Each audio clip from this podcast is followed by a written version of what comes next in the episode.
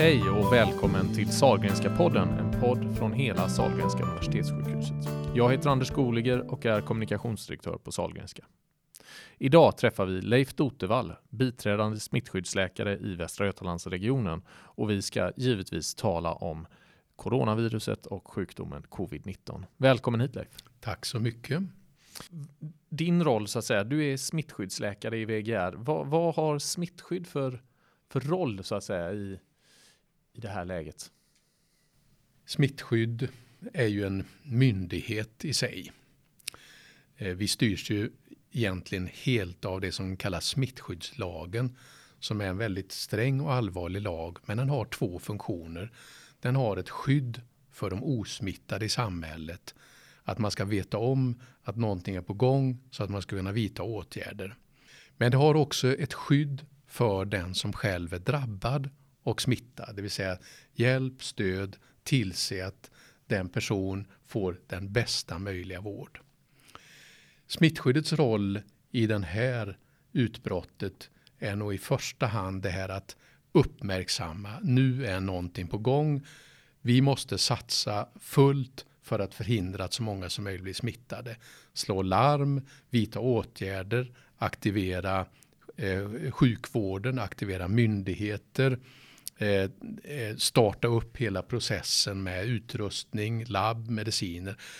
Och sen efterhand så blir ju smittskyddsroll mindre och mindre på ett sätt. Därför att nu är det ju sjukvården, laboratorierna, vårdhygien eh, eh som gör det fantastiska jobbet. Och jag måste säga att som smittskyddsläkare när jag ser nu det som sjukvården gör på avdelningar, på karantänsavdelningar, på iverna, på infektion så blir jag oerhört imponerad.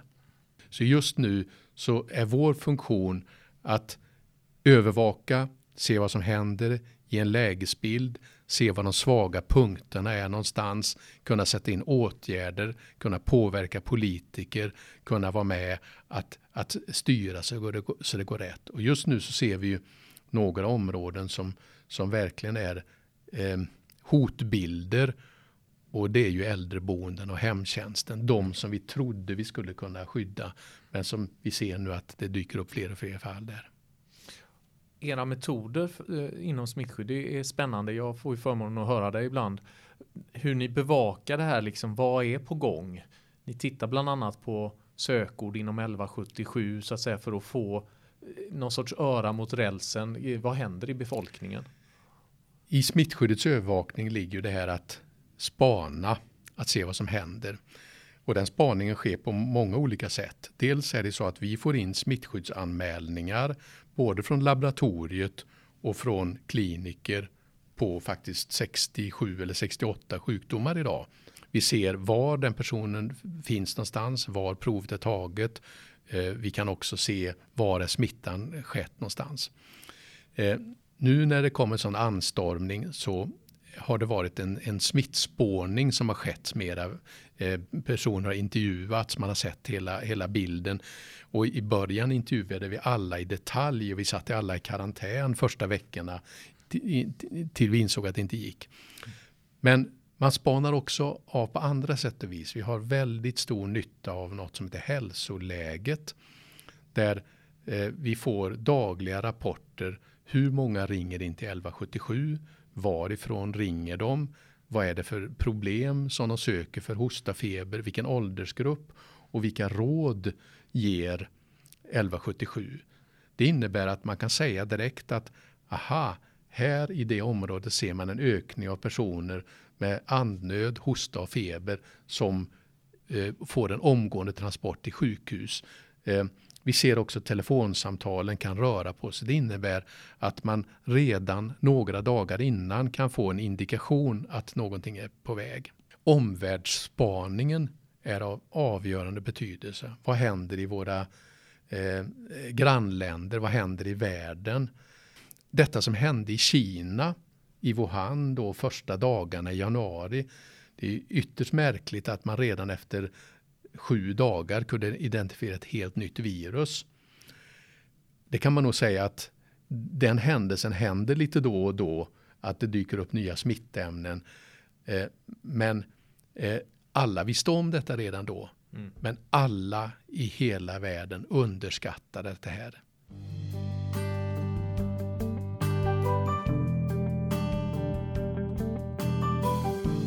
Kan du säga någonting om smittskyddets historia? Varifrån, så att säga, hur, hur, hur kommer det sig att vi har den här funktionen och myndigheten i Sverige?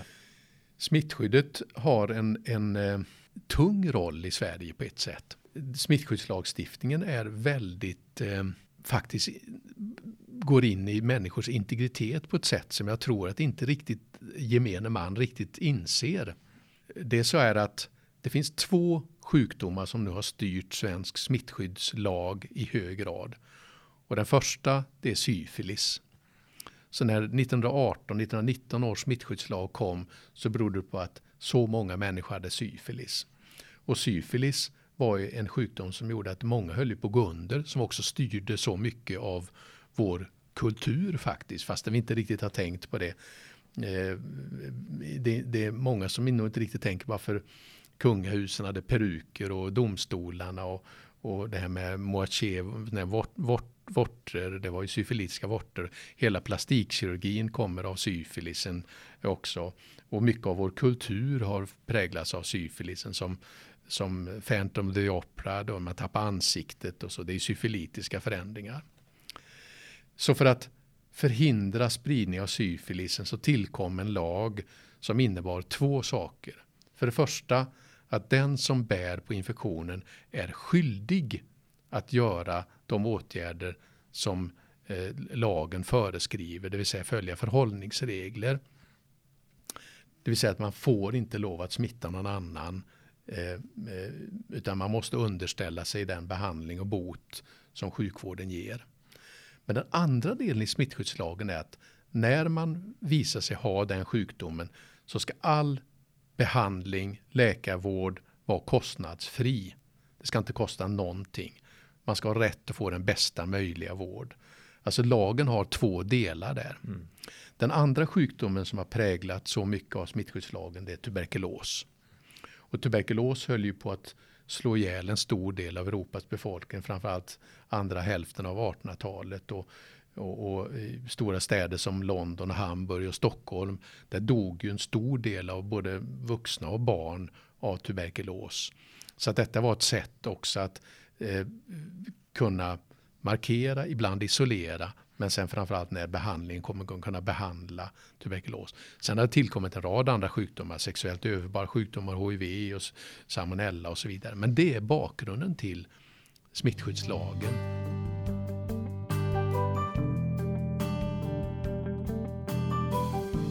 Kan du beskriva hur, hur ser din arbetsdag ut eh, nu, kanske under coronautbrottet? när man kommer till arbetet vid sju på morgonen så samlar man in alla data som har hänt. Vad har hänt på, på natten? Vad har hänt på morgonen? Vad finns det för viktiga artiklar som har, vad har hänt i världen? Sätter vi oss ner, stabsgruppen i smittskyddet och där finns då eh, personer från olika delar av Västra Götaland, från eh, Älvsborg, Fyrbodal och Skaraborg. Vad händer här? Vad händer på sjukhusen? Vad händer på äldreboendena? Eh, I början smittspårade vi på smittskydd väldigt mycket därför att det hann inte läkarna med. Vi ringde alla, vi satte, i satte människor i karantän och det, det, det, det insåg man att det, det fungerar inte längre. Idag är vi medhjälpare och försöker bistå eh, Eh, de, de läkare där det blir stora utbrott, bistå vårdhygien. Vårdhygien gör ett otroligt arbete med alla kontaktytor. Vi försöker förmedla informationen. Vi arbetar mycket med hem, hemsidan nu som samlar dokument av olika slag. En annan viktig eh, punkt som har dykt upp här nu eh, är ju det här att smittskyddsläkarna har fått i uppgift att eh, kunna stänga restauranger. Det är ingen rolig uppgift alls, men detta går via eh, kommunernas miljöförvaltningar.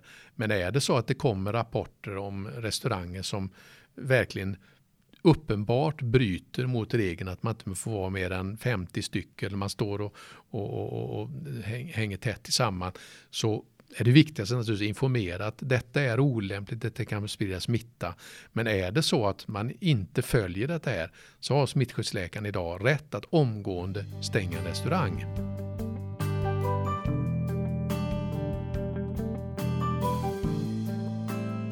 Kommer du någonsin uppleva någonting liknande detta tror du? Och har du upplevt något liknande tidigare? Jag har inte upplevt eh, alls detta tidigare eh, som vi är med om nu. Jag har, jag har haft det här i tankarna att det skulle ske. Alla som sysslar med smittskydd och som har läst på sin historia har vetat om att vi kommer att få en ny influensapandemi. Mm. Och den kan komma ändå, den kan bli värre än så här. Vi trodde det skulle bli så här 2009 när svininfluensan kom. Jag minns de första rapporterna när de berättade om Mexiko att det var flera som dog och barn dog och unga dog. Och jag minns att redan efter några dagar så kom det en person från Mexiko hit med flyg med 40 graders feber och blev influensapositiv. Men det var en annan typ av influensa. Och det visade sig att den influensan var ju inte alls lika farlig. Svininfluensan var ju inte alls lika många som, som, som blev så svårt sjuka i som man befarade. Och det var ju väl det. Mm. Så på ett sätt kan man säga att för svininfluensan så var ju åtgärderna i, i, i, i flera stycken överdrivna. Jag tror ingen av oss har varit med om det. Ingen av oss riktigt kunnat tänka att det skulle ske på det här sättet.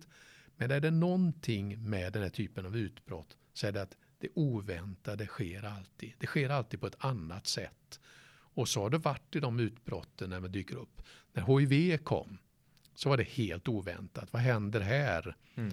Eh, vad, vad händer i, i, i det här? Hur smittar det här?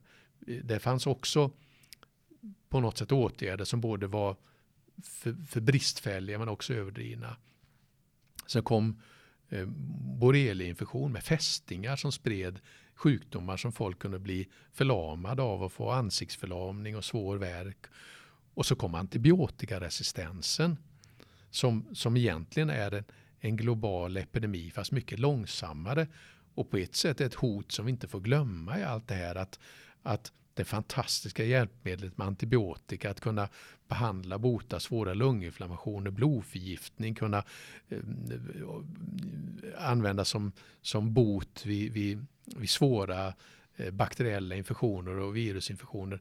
Tänk om det fantastiska verktyget försvinner därför att vi slarvar bort det och överanvänder det där. Det är också en pyrande epidemi som inte vi får glömma. Sen har vi alla vaccinskyddande infektionerna eh, som har varit otroliga hot genom alla tider och som vi nästan glömmer idag därför att vi har vacciner. Mm. Eh, i, i, idag finns en oro att länder som har coronavirusinfektion vaccinerar inte barnen på det sätt som behövs. Så det finns risk att det ska dyka upp nya mässlingepidemier igen. Vi kommer att få leva med epidemier. Vi har haft dem i historien. Jag tänker ibland på att 1834 då dog under loppet av några veckor 10 procent av Göteborgs befolkning av en koleraepidemi. Mm. Det var en fruktansvärd händelse. Det glömdes fort. Mm. Vi hoppas aldrig det här händer igen.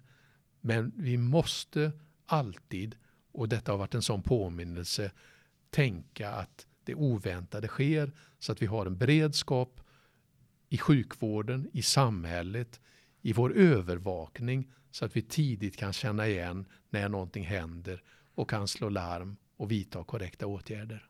Leif Dotevall, tack för att du kom till Salgrenska podden. Det har varit väldigt intressant att lyssna på dig. Det är det alltid. Eh, jag som har intervjuat heter Anders Goliger och är kommunikationsdirektör på Sahlgrenska universitetssjukhuset. Jag är givetvis nyfiken på vad du som har lyssnat tycker om podden och du får gärna höra av dig till mig med synpunkter, frågor, tankar eller idéer om vem jag ska intervjua nästa gång. Tack!